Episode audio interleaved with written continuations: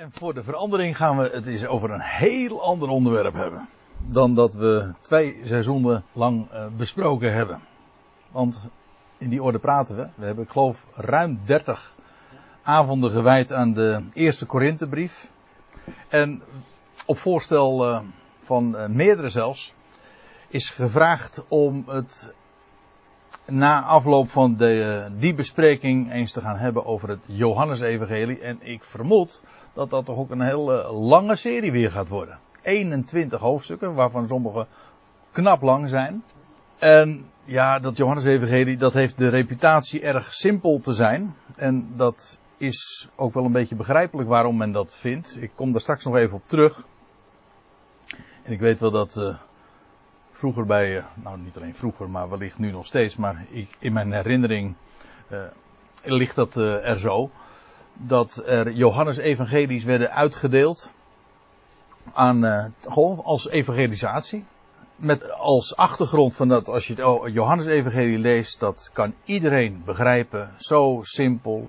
Nou ja, zo'n woord als wat ik zojuist even voorlas naar aanleiding van die inleiding van Ari.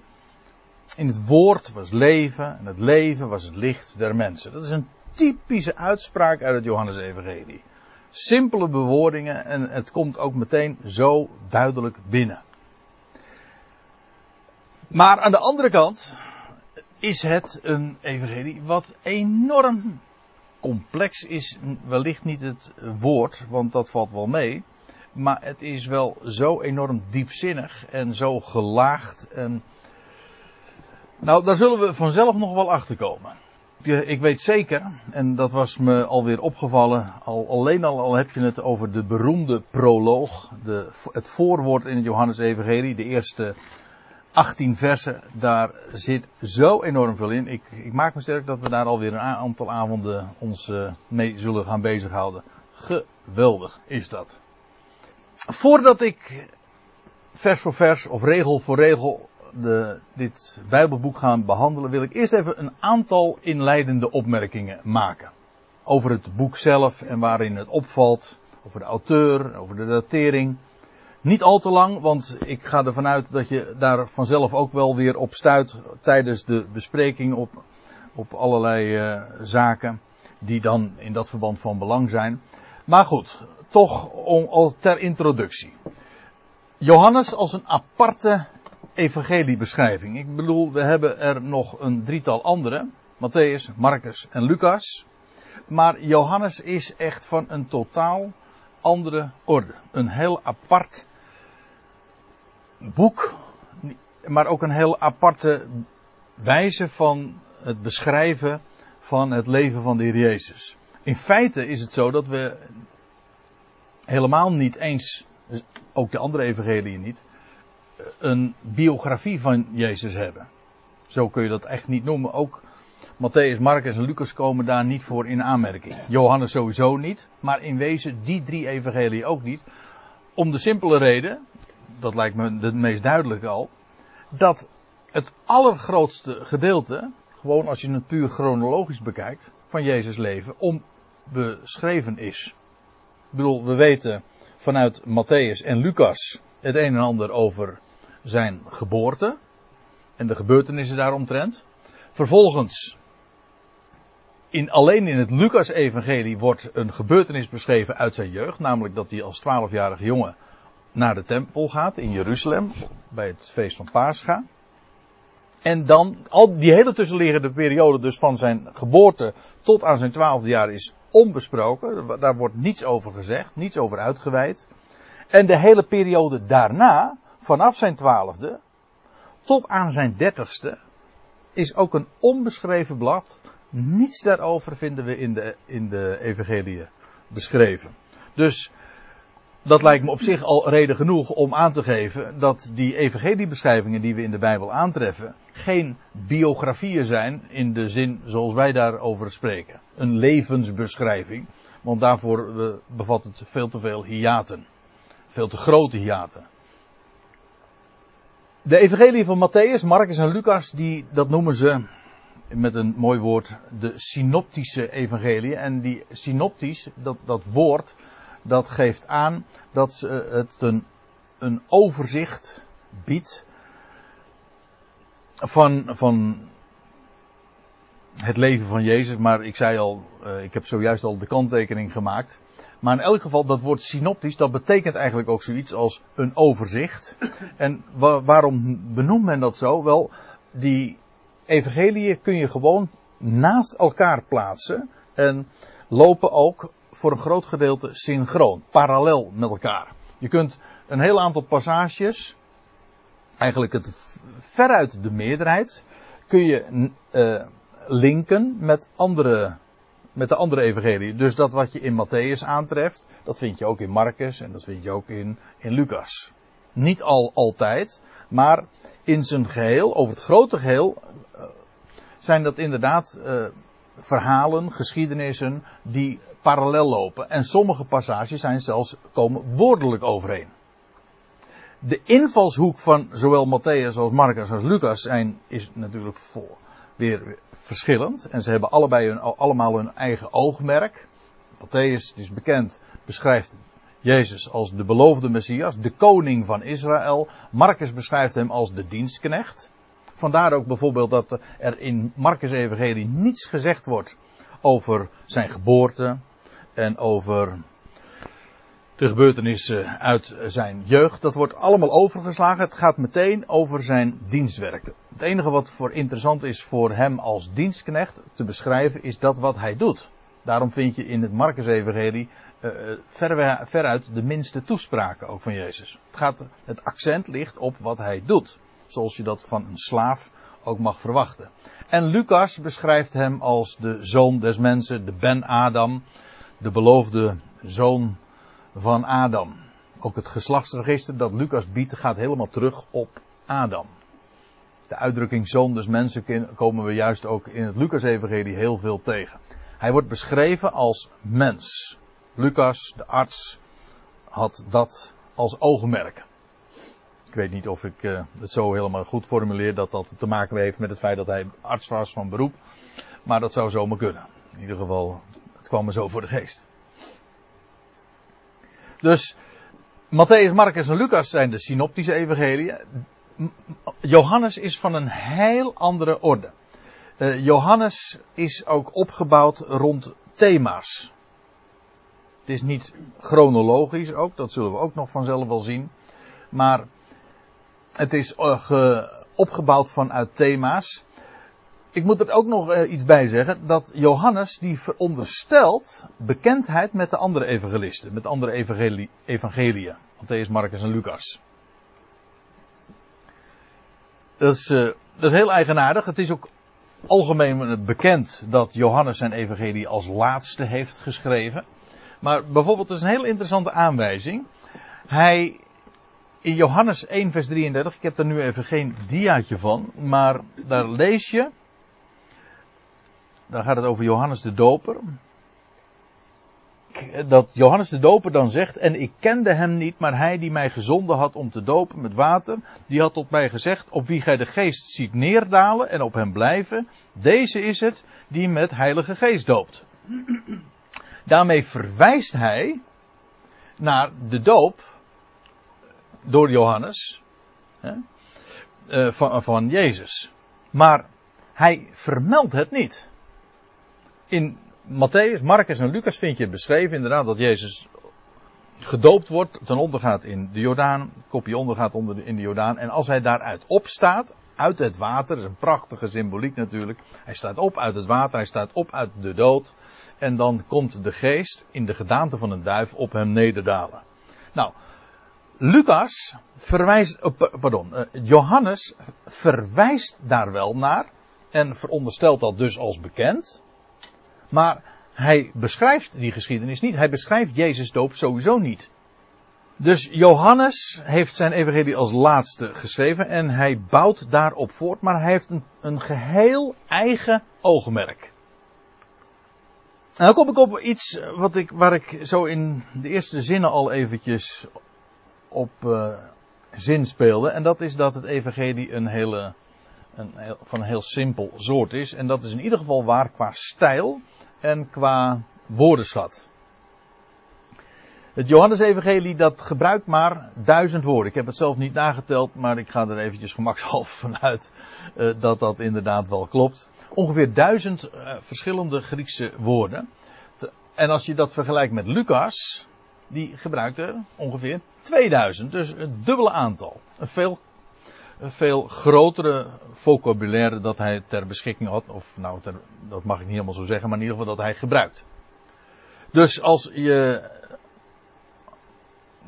als je hoort van ja, Johannes Evangelie is simpel, dan klopt dat dus in zoverre wel. Het gebruikt simpele zinnen, korte zinnen en bovendien ook het heeft simpel taalgebruik. Een beperkt vocabulaire. En wat het ook simpel maakt, dat is dat de stijl heel opvallend zwart-wit is. Om het eventjes in, uh, in film- of fotografische termen te zeggen. Weinig nuance. In de andere evangelie, Matthäus, Marcus en Lucas, daar vind je veel meer een, een, een, een kleurrijke stijl. Johannes is heel zwart-wit en dat, dat blijkt ook wel uit de tegenstellingen die hij heel dikwijls gebruikt in zijn, in de betogen. Tegenstellingen als licht en duisternis. We zullen het meteen in Johannes 1 al eh, aantreffen. Leven en dood. Liefde en haat. God en wereld. Waarheid en leugen. En ik zou ongetwijfeld nog wel een, een poosje verder uh, door kunnen gaan met, uh, met zulke tegenstellingen te benoemen. Maar ze zijn heel karakteristiek voor het Johannesevangelie. Maakt het ook simpel. Het is heel zwart-wit, die twee. Ik bedoel, over het algemeen maken wij wat, uh, wat, en dat zie je ook elders in de Bijbel, dat je nuanceringen kunt aanbrengen. Maar Johannes is in zijn evangelie zit niet zo in elkaar. Die gebruikt de tegenstelling van waarheid en leugen. Meer smaak heeft hij niet. Dat is de stijl van hem als schrijver. Of moet ik zeggen, dat is de stijl zoals God hem daartoe heeft geïnspireerd. Ik moet er dan eens aan denken dat Johannes, maar dat lezen we trouwens niet in dit evangelie, dat Johannes ook genoemd wordt. Samen met zijn broer hadden zij, hadden, had hij de reputatie, hadden ze de bijnaam Boanerges. En dat betekent zonen des donders. Of zonen van de donder.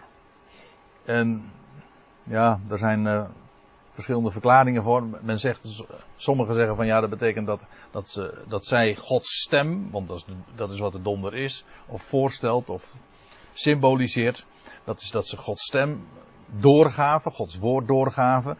Maar het lijkt mij uh, waarschijnlijker dat zij hadden die reputatie onder de twaalf, onder de collega-apostelen zeg maar. Juist omdat ze heel krachtig waren, heel zwart-wit om zo te zeggen.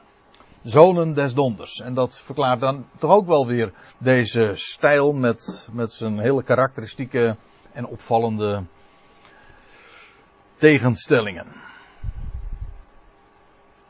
Dat is ook de, de makkelijkste manier om, uh, om, om dingen duidelijk te maken. Ik geef taallessen aan, eh, aan Polen. Zo een paar avonden in de week. En een vast onderdeel van de lessen is altijd antoniemen. De tegenstellingen. Hoe leer je een taal uh, kennen? Door uh, man en vrouw. Meneer en al dat soort tegenstellingen. Vroeger en later. En juist door zulke woordparen, zulke tegenstellingen, leer je een zaak heel gemakkelijk, simpel kennen. Wel, dat is de stijl van Johannes. Er is nog iets wat uh, heel apart is van, aan deze evangeliebeschrijving. Dat is de andere evangelisten die beschrijven heel sterk dat Jezus zijn identiteit verborgen houdt. Maar Johannes in, zijn, in, de, in het evangelie spreekt heel expliciet daarover. Nou zou je natuurlijk kunnen zeggen van hé, hey, maar dat is een tegenstelling. Want hoe is het nou? Als beide nu spreken over dezelfde Jezus, of als Matthäus, Marcus en Lucas spreken over wie Jezus was en wat hij gesproken heeft in de jaren dat hij zijn publieke bediening had. Hoe kan het dan dat de evangelisten Matthäus, Marcus en Lucas vooral benadrukken dat hij zijn identiteit verborgen houdt. Bijvoorbeeld als, daar, als, als, als Petrus zegt van gij zijt de Christus, de zoon van de levende God, dan zegt mondje houden. En dat vind je heel vaak. Dat mocht niet uh, bekendmaken, want dat zou prematuur zijn. Dat, dat hoorde nog helemaal niet in die tijd. Dat zou pas later bekendgemaakt moeten worden. Maar Johannes is vanaf de aanvang heel expliciet daarover. Ik denk dat er, daar zit ook nog een factor in, en daar komen we ongetwijfeld nog uh, wel uitgebreider op terug. En dat is dat Johannes ook heel veel uitleg geeft, zelf ook uitleg geeft van Jezus' woorden. Dus naderhand. Dit evangelie is, dat geldt natuurlijk voor Matthäus, Marcus en Lucas ook, die zijn ook naderhand geschreven. Maar deze, dit evangelie bouwt voort op de andere evangeliebeschrijvingen en geeft ook heel veel interpretatie, dat wil zeggen de uitleg van, van Johannes erbij. Nou, dit, is een, dit is trouwens een, een heel apart punt. Daar, dat in de bespreking van het Johannes-evangelie uh, nog uitgebreid uh, ter sprake zal komen. In een lijn met dit voorgaande ook nog uh, dit hele karakteristieke punt van het Johannes-evangelie. Dat zijn de zeven, dat is een markant getal in het, ook in het Johannes-evangelie, de zeven ik ben uitspraken. En wat daarvan ook zo weer zo opvallend is, die vind je in het Johannes-evangelie, maar bij Matthäus, Marcus en Lucas ontbreken ze stuk voor stuk. Maar ze zijn heel bekend. Ze zijn prachtig de ik ben, ja, daar zit ook nog weer veel meer in, want dat verwijst ook naar Gods naam. Gods naam, die is ik ben die ik ben. Dus als, eh, als de Heer zegt van ik ben de opstanding en het leven, of nou ja, en die uh, andere uh, uitspraken daarover, verwijst hij feitelijk ook naar zijn God en Vader. Oh, uh, nou doe ik het dan. Zo bedoel ik het, ja. Uh, hij, hij, begint in Johannes 6 met: Ik ben het brood des levens. En zulke uitspraken, dat is ook heel eigenaardig, die uitspraken die doet hij ook naar aanleiding dan weer van een wonderteken dat verricht is. In dit geval gaat het over de spijziging van de 5000 en dan blijkt de massa dat helemaal niet begrepen te hebben, maar dan zegt hij, het gaat erom dat ik, dat brood wat jullie gegeten hebben, dat verwijst naar mijzelf. Ik ben dat brood des levens. Ik ben het licht der wereld. Zegt hij trouwens naar aanleiding van het Chanukka-feest. Dat ook weer alles te maken heeft met licht in de duisternis. Ik ben de deur der schapen. Ik ben de goede herder. Nou, al die uitspraken zijn erg bekend, maar je vindt ze uitsluitend in het Johannesevangelie. En, en stuk voor stuk vertelt dat natuurlijk enorm veel over wie hij is. Ik ben de opstanding en het leven, dat zegt hij naar aanleiding van de opwekking van Lazarus. Ik ben de weg, de waarheid en het leven. Die is ook een hele bekende. Niemand komt tot de Vader dan door mij. Johannes 14, vers 6. En dan de laatste, ook weer dus, uh, de zevende dus. Ik ben de ware wijnstok. Mijn vader is de landman. U weet wel, dat gedeelte.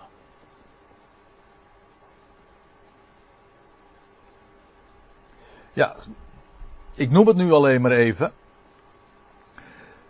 Maar over de betekenis en de diepte en de hoogten daarin, daar zullen we het vanzelf allemaal nog wel een keer over hebben. Als we tijd van leven hebben, want het gaat een hele lange serie natuurlijk worden. Dan nog iets als over Johannes als een hele aparte evangeliebeschrijving ter onderscheiding van de andere evangelisten. Johannes is opgebouwd rond zeven wondertekenen die Jezus verrichtte. En ook de betogen die daarover, die dan vervolgens naar aanleiding daarvan worden opgetekend, die, die vinden juist plaats uh, na aanleiding van die wondertekenen. De eerste, laten we ze eventjes noemen. Ook weer zeven wondertekenen. Dat is natuurlijk niet voor niks. Er zit zo'n geweldige structuur. Trouwens, de indeling van het evangelie, daar heb ik uh, nu nog geen diaatjes van. Daar komen, daar komen we later nog wel eens een keer op. Over het grote overzicht, het grote geheel. Maar het eerste wonderteken, dat we vermeld vinden, dat is dat Jezus uh, verandert water in wijn. Tweede, hij, dat hij de zoon van de hoveling geneest in hoofdstuk 4. In hoofdstuk 5, de bekende geschiedenis dat hij in Bethesda komt en daar die 38-jarige zieke man geneest. En ook hier weer stuk voor stuk. Het zijn wonderen, jazeker, maar het zijn ook allemaal tekenen. Er zitten zulke diepgaande betekenissen in eh, aan vast. Ik zou zomaar in de verleiding kunnen komen om daar al wat nu al wat over te zeggen. Waarom een 38-jarige en waarom Bethesda en waarom de zoon van een hoveling en welk tijdstip was het dat het, dat het water in wijn werd veranderd. Nou, al dat soort dingen. Maar daar zit zoveel achter. Maar het zijn tekenen. Dat is het, uh, het, punt. En het waren er zeven. Dit was dus de derde. En dan de, in hoofdstuk 6 de spijziging van de 5000. Hoofdstuk 6 dat Jezus de storm stilt. Meer van Galilea. In hoofdstuk 9, de, een heel lang hoofdstuk is dat. Die geschiedenis van de blindgeborene die genezen wordt. Die ziende gemaakt, gemaakt wordt. En dan de laatste, althans, nou ja, dat hangt er een beetje vanaf hoe je rekent. De laatste, het laatste wonderteken dat hij Lazarus opwekt uit de dood in hoofdstuk 11. En dan de achtste, en ik weet even niet of ik die mee moet rekenen. Het wonder van de visvangst. U weet wel, met die 153 vissen. Grote vissen. In hoofdstuk 21 dat is eigenlijk ook, het 21ste hoofdstuk is een aanhangsel, een appendix van het boek. Want het boek was eigenlijk al afgesloten. En het 21ste hoofdstuk is als een, als een bijlage eraan toegevoegd. Daarom heb ik hem ook tussen, aanhalen, tussen haakjes gezet. Het is, het is, het is feitelijk het achtste wonder. Dit is het wonder na zijn opstanding. Maar dat heeft dus ook weer alles te maken met een nieuwe schepping en vandaar ook weer met de acht. Of ga ik nou een beetje te ver? Te snel. Ik bedoel, de schepping heeft te maken met zeven en, en, de, en dan is het geheel voltooid bij de zeven. Maar de acht is weer een nieuwe reeks, een nieuw begin. Met de opstanding. U ziet, daar is uh, allemaal heel goed over nagedacht. Geen woord is zonder betekenis. Dit is ook weer zo duidelijk in alles wat het doorgeeft. Het is. Nou ja, laat ik het uh, nog, dan nog een keer zeggen. Voor de derde keer inmiddels. Johannes 1, vers 4. In het woord. Maar dat geldt ook voor dat wat Johannes heeft mogen optekenen. Geïnspireerd, ingeblazen. In het woord is leven. En dat leven dat is het licht van de mens. Het is alles. Misschien de hele geschiedenis van uh, Israël erin vermoord. Ja. Wat God gaat doen voor zijn volk. Ja, ja, dat is. Uh, ik, daar. Uh, absoluut, ja, ja, ja. Ja, we zullen het uh, daar nog heel uitgebreid over gaan hebben. Nou, om maar bij dat eerste te beginnen, om eventjes alvast in, de, in de stemming zeg maar te komen. die genezing, of niet, de verandering van water in wijn. Dat was de, dat eerste wonderteken dat hij verrichtte in Cana. Maar dat was de derde dag. De, er was een bruiloft. Ik ken die tekst ken ik heel erg goed. Want het stond boven op onze trouwkaart. 21 april 1992.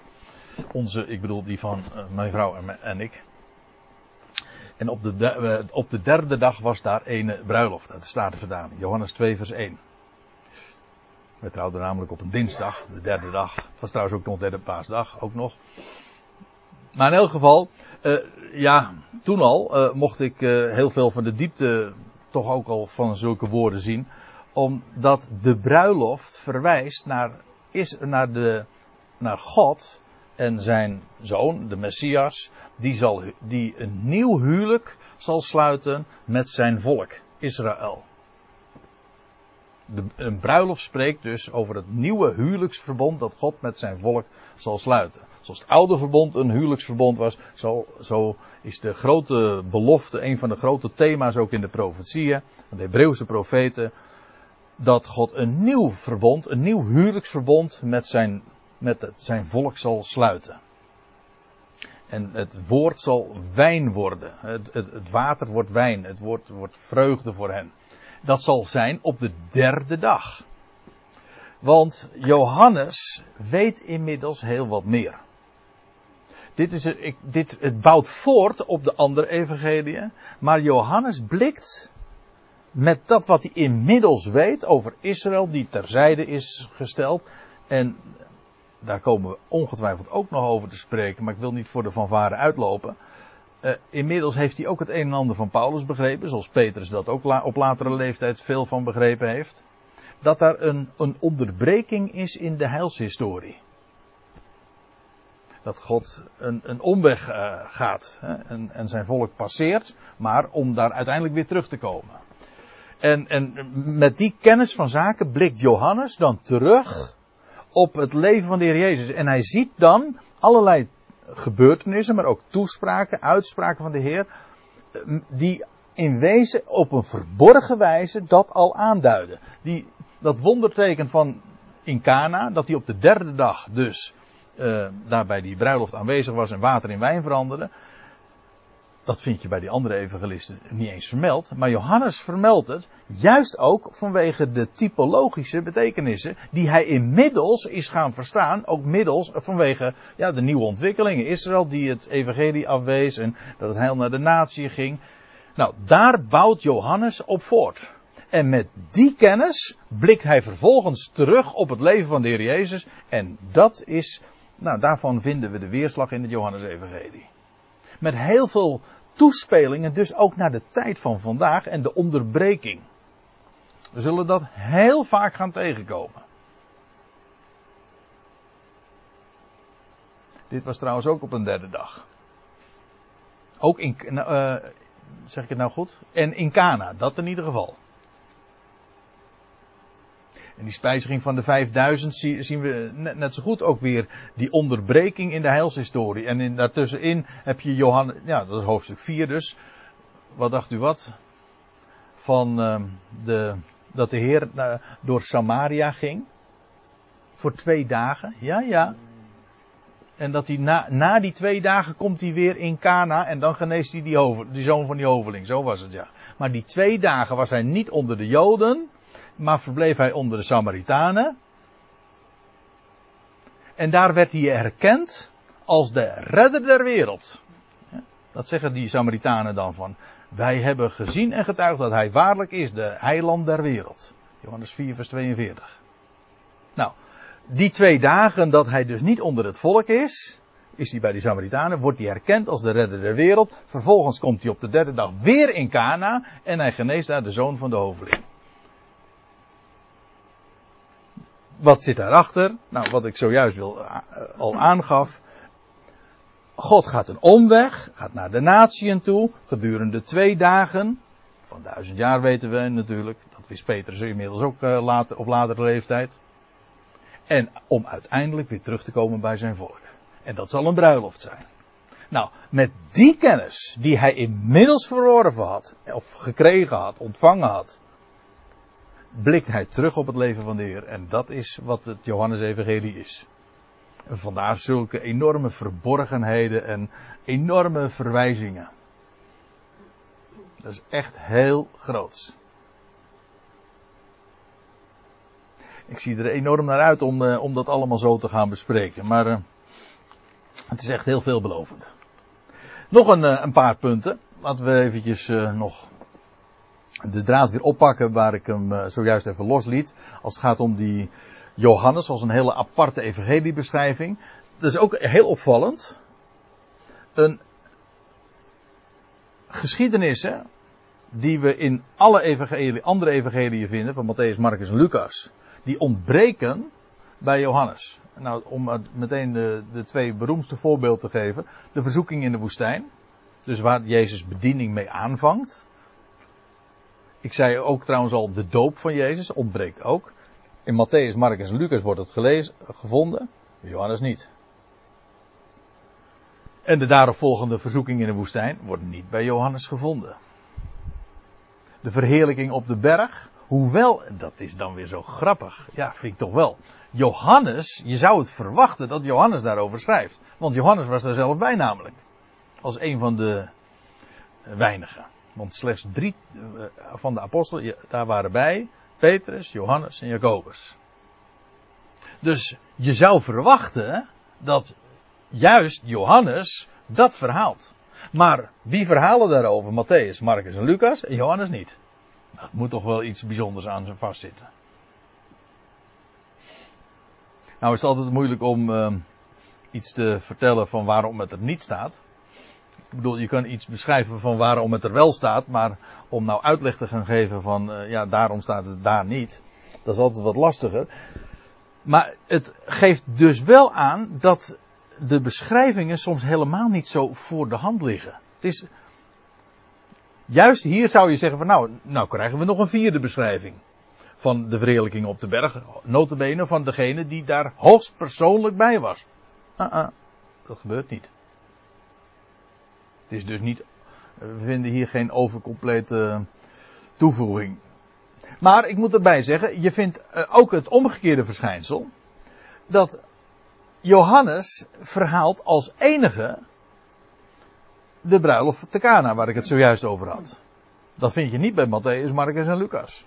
En de opwekking van Lazarus, ook een, trouwens een heel lang hoofdstuk, Johannes 11. Prachtige geschiedenis. Alleen Johannes beschrijft dat.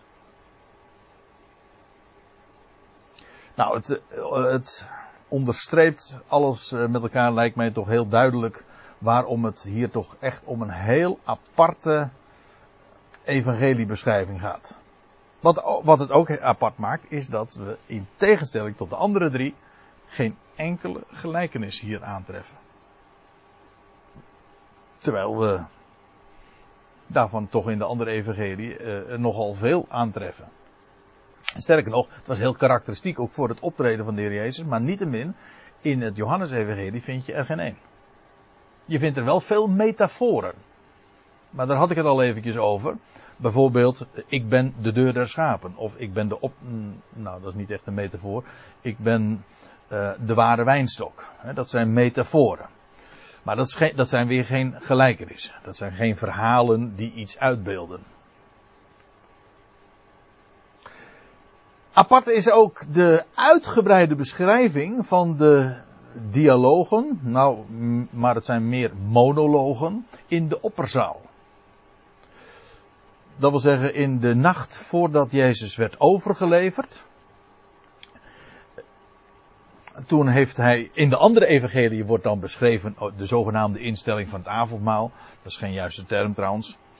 Maar goed, er werd, er werd, niks ingesteld, ze vierden het avondmaal. Maar dat wordt juist weer niet in het Johannes-evangelie vermeld. Matthäus, Marcus en Lucas doen het wel. En Johannes doet het niet. Maar daarentegen geeft hij wel een uitgebreide beschrijving van de gesprekken en vooral de monologen, de, de toespraken, of ja, zijn dat toespraken die de Heer in die intieme kring heeft gehouden. Daar in de opperzaal. Hoezo de opperzaal? Nou ja, dat is vijf hoofdstukken lang. 13, 14, 15, 16, 17. Hoofdstuk 17, ook een heel apart hoofdstuk. Het zogenaamde hoge priesterlijk gebed. Alleen in het Johannesevangelie wordt dat beschreven. En, nou, dat lijkt mij wel heel duidelijk. Jezus wordt voorgesteld als in het, dit Johannesevangelie. Niet als de koning, niet als de dienstknecht of slaaf, niet als de zoon des mensen, maar hij wordt voorgesteld als de zoon van God. Dat is uh, een, de term die het meest uh, wordt gebezigd. Als de zoon van God die nu in de hemel is. Daarom, ik zei al, Johannes schrijft als het ware met, nou, met, met terugwerkende kracht. Hij schrijft over de zoon van God, maar ik, ik verwijs hier bijvoorbeeld naar Johannes 1 vers 18, maar moet u, ik heb er geen diaatje van, maar kijk u maar even mee. Daar staat er, niemand heeft ooit God gezien. De enige geboren zoon die aan de boezem des vaders is, die heeft hem doen kennen. Het gaat dus over de hem die nu daar is. Wel, vanuit dat perspectief van wat hij nu is en wie hij nu is, wordt teruggekeken op het leven van, uh, van de Heer. De Zoon van God. En wat ook heel opvallend is, hij wordt vanaf de aanvang voorgesteld als verworpen door de wereld en door de zijne. Ik zeg vanaf de aanvang, want we zullen het meteen al zien als we in vers 10 en 11 uh, van hoofdstuk 1 uh, zijn aangekomen. Gewoon voordat we ook maar iets beschreven vinden als historie, wordt dat al vastgesteld. Dat is dus op voorhand al de, het uitgangspunt. Terwijl, en dat is dus ook een verschil met Matthäus, Marcus en Lucas, die werken er naartoe. Die beschrijven hoe Jezus inderdaad verworpen werd door zijn volk. Nee, Johannes doet dat niet. Johannes perspectief is een andere. Hij beschrijft hem meteen al op voorhand al, hij is de verworpene. En vanuit dat oogpunt, vanuit dat, die optiek, uh, benadert hij ook de geschiedenis. Van een totaal andere aanpak dus. En zelfs al heb je nauwelijks met aandacht de evangelie gelezen, al, heb je er alleen maar een beetje aan geproefd. Je bladert eventjes door Matthäus. Ik geef u, ik, ik, ik, noem maar wat. Ik geef u vijf of tien minuten tijd om door Matthäus evangelie te bladeren. En dan, dan is het gewoon te lezen wat daar zo staat. Dan kun je natuurlijk nooit de hele evangelie lezen. En ik, ik geef u ook uh, diezelfde tijd voor, het Marcus en het, Johan, en het Lucas evangelie. En dan vervolgens het Johannes evangelie. Met iedereen valt meteen op het enorme verschil in stijl en de hele eh, benadering, de wijze waarop de dingen beschreven worden. Valt meteen op. Kijk, ik noem zo nu een aantal dingen. Maar zelfs de, de argeloze lezer, die struikelt er al over.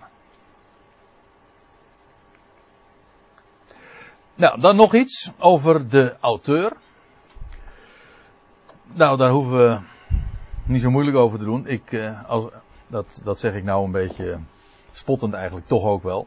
Want er wordt namelijk wel heel moeilijk over gedaan. Kijk het maar eens een keertje na in de handboeken enzovoorts. Dan, dan zijn er hele grote gewichtige uh, artikelen en boeken over geschreven. Wie de auteur zou zijn van dit boek.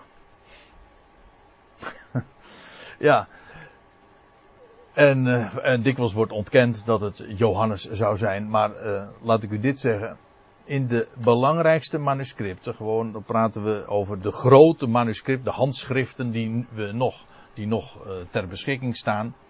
Of de Sinaiticus en de Vaticanus en hoe heet die andere, de Alexandrinus. Daar wordt, daar heeft, heeft Johannes Evangelie als opschrift naar Johannes. Zoals Marcus naar Marcus heeft. Dus in de handschriften, die, waar we het boek zelf eh, vinden, vinden we ook het opschrift. En het opschrift laat aan duidelijkheid niets te wensen over naar Johannes. Dus dan weten we met wie we te maken hebben. Maar alsof dat nog niet genoeg is, ook intern, vanuit het boek zelf. En dan heb ik het dus nog niet eens over uh, externe verhalen, over overleveringen, over de kerkvaders en zo. Want die laat ik lekker even buiten beschouwing. Ik heb daar eerlijk gezegd niet zo'n hele hoge pet van op. Maar als je gewoon puur bekijkt naar, de, naar het boek zelf, dan, dan leidt het ook geen enkele twijfel. De schrijver pretendeert namelijk ook een ooggetuige te zijn. Meteen al in het eerste eh, hoofdstuk, daar lees je, het woord is vlees geworden en het heeft onder ons gewoond en wij hebben zijn heerlijkheid aanschouwd. De schrijver sluit zich daarbij in dus. Wij hebben zijn heerlijkheid aanschouwd, een heerlijkheid als van een enige geborene van de Vader. Zie je weer, als de Zoon van God dus.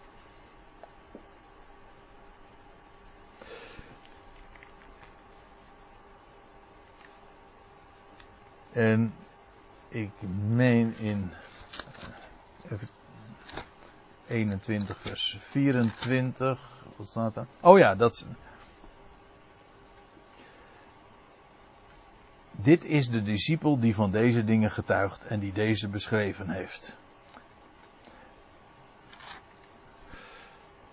Nou ja, in die andere, even, in die andere versverwijzingen, die ga ik nu niet uh, doorlopen. Maar dan zie je dus hetzelfde, dat de schrijver zelf een, een uh, ooggetuige is. Blijkt uit trouwens nog meer dingen, want de schrijver heeft, is uh, zeer nauwkeurig op de hoogte van allerlei getallen. Die genoemd worden. Ik geef hier ook weer een aantal voorbeelden. Nou, ik noemde zojuist al eventjes die 153 grote vissen. Ja, Johannes was er zelf bij. Hij speelt zelfs ook nog een rol in die uh, geschiedenis. Hoewel hij zichzelf daar niet bij name noemt. Dat doet hij trouwens nooit. En hij behoorde ook tot de, de van de hoge priester. Wist u dat? Johannes was een, een verwante, nee, een bekende van de hoge priester. In handelingen, pardon, in Johannes 18 vers 16 lees je dat. Zegt hij ook, daar zegt hij ook niet. Nou, laat ik het even lezen. Johannes 18, vers 16.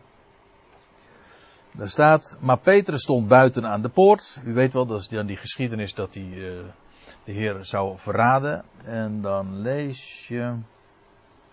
Nou, ik lees in vers 15. En Simon Petrus en een andere discipel volgden Jezus. Een andere discipel. Waarom dan niet bij name genoemd? Nou, dat doet hij dus niet. Uh, en die discipel was, oh ja, en die discipel was een bekende van de hoge priester. En hij ging met Jezus het paleis van de hoge priester binnen, maar Petrus stond buiten aan de poort. Nou ja, en dan wordt hij uh, herkend enzovoorts. En u weet uh, hoe dat dan verder gaat. Maar in ieder geval, dan wordt er zo even bij vermeld, die discipel, waarvan de naam dan niet vermeld wordt, die was een bekende van de hoge priester.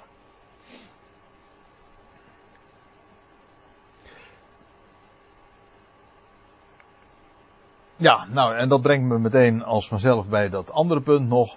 Hij vermeldt de namen van de andere apostelen. Hij, hij, noemt, hij noemt Andreas, hij noemt Petrus, hij noemt Thomas. Nou, noem er nog eens een paar. Hij noemt Jacobus. Maar één houdt hij anoniem. Nou, dat zagen we zojuist al eventjes in, dit, de, in dat Johannes 18, wat ik net voorlas. Maar bekend is ook de aanduiding van, hij noemt hem de discipel die Jezus lief had. Moet je goed trouwens op, dus uh, moet je goed opvatten. Dien Jezus lief had betekent niet uh, dat de discipel veel liefde had voor Jezus. Nee, het was de, de dien Jezus lief had. Je moet even letten op de naamval. Het was de discipel die geliefd werd door Jezus. Ja. En zo noemde hij hem. Zich, hij zichzelf dus, maar in de derde persoon. Hij neemt als het ware, hij doet afstand en zo beschrijft hij hem. Hij zegt niets dat is Johannes. Nee, hij benoemt hem op die manier. De derde persoon op afstand. Maar wel prachtig natuurlijk, als je, als je, als je dat zo kan beschrijven. Geliefd. Trouwens, zijn naam uh, wijst daar ook al erg op. Want zijn naam betekent Jochanan. Dat is, Yahweh is genadig.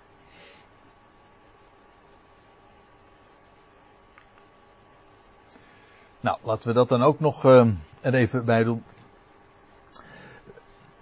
Uh, voordat we gaan pauzeren. Iets over de datering van dit boek.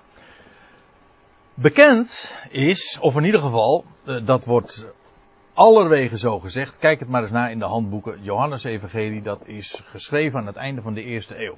Waarschijnlijk zo in de tachtiger of in de negentiger jaren. Johannes moet dan een stokoude man geweest zijn. En dat wordt gebaseerd op buitenbijbelse overleveringen van Polycarpus. Dat was dan weer een leerling van, van uh, Johannes, of zou een leerling geweest zijn van Johannes. En die heeft dat dan zo opgetekend. En daar wordt dan die datering op gebaseerd. Hè. Toen is dat boek, zou dat boek geschreven moeten zijn. Dat wordt algemeen zo gezegd. Maar laat ik u dit zeggen.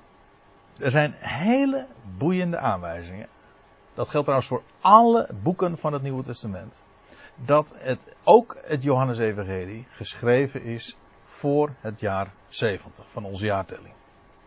Dat wil zeggen, voor de verwoesting van Jeruzalem. U weet, Jeruzalem is verwoest met de hele, de stad, maar ook de, is in vlammen opgegaan. Dus, en de tempel is, er geen steen op de andere blijven staan. Dat vond plaats in het jaar 70. Wel, ik zal u dit zeggen, het Johannesevangelie is al daarvoor opgetekend. Dus niks bijzonders, want dat geldt voor het hele Nieuwe Testament. Maar daar, dat is nou even niet het onderwerp. Van Johannes kan ik dat ook inderdaad staven. Er zijn een paar hele subtiele aanwijzingen dat dat inderdaad zo is.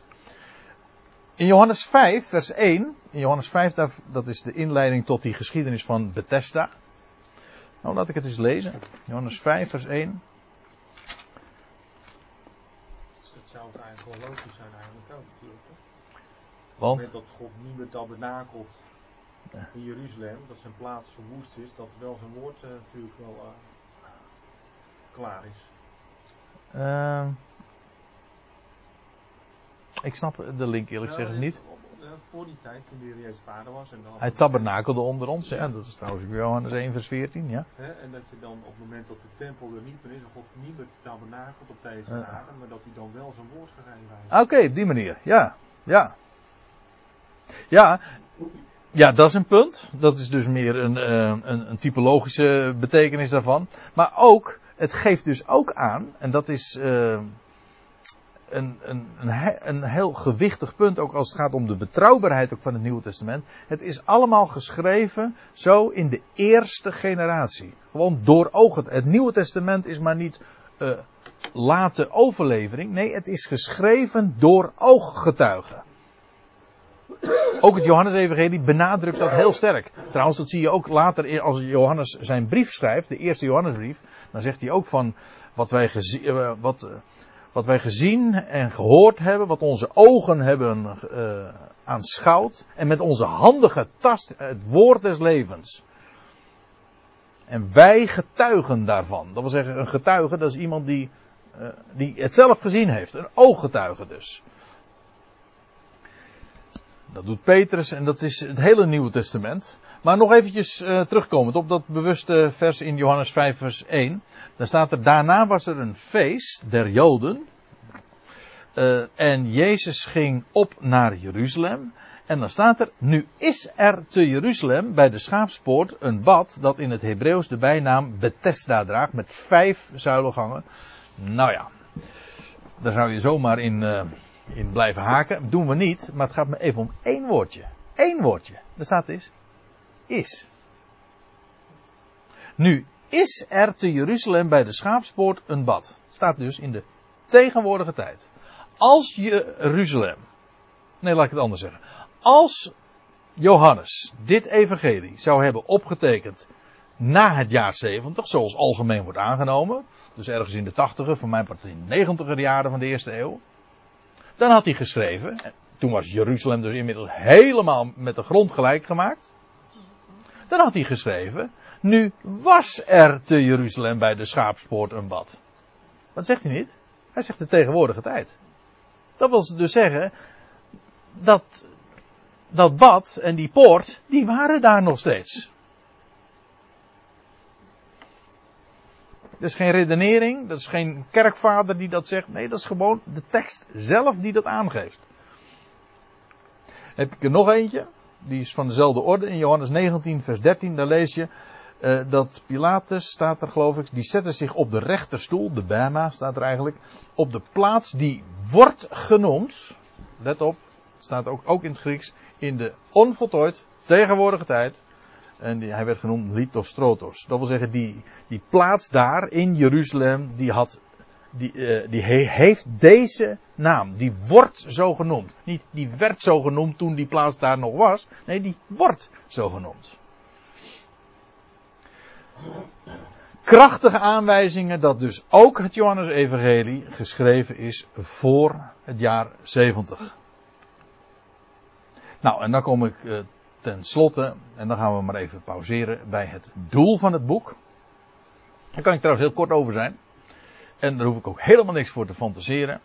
Want het staat er namelijk expliciet gewoon aangegeven. Niet aan het begin, maar pas aan het eind van het boek wordt dat gezegd.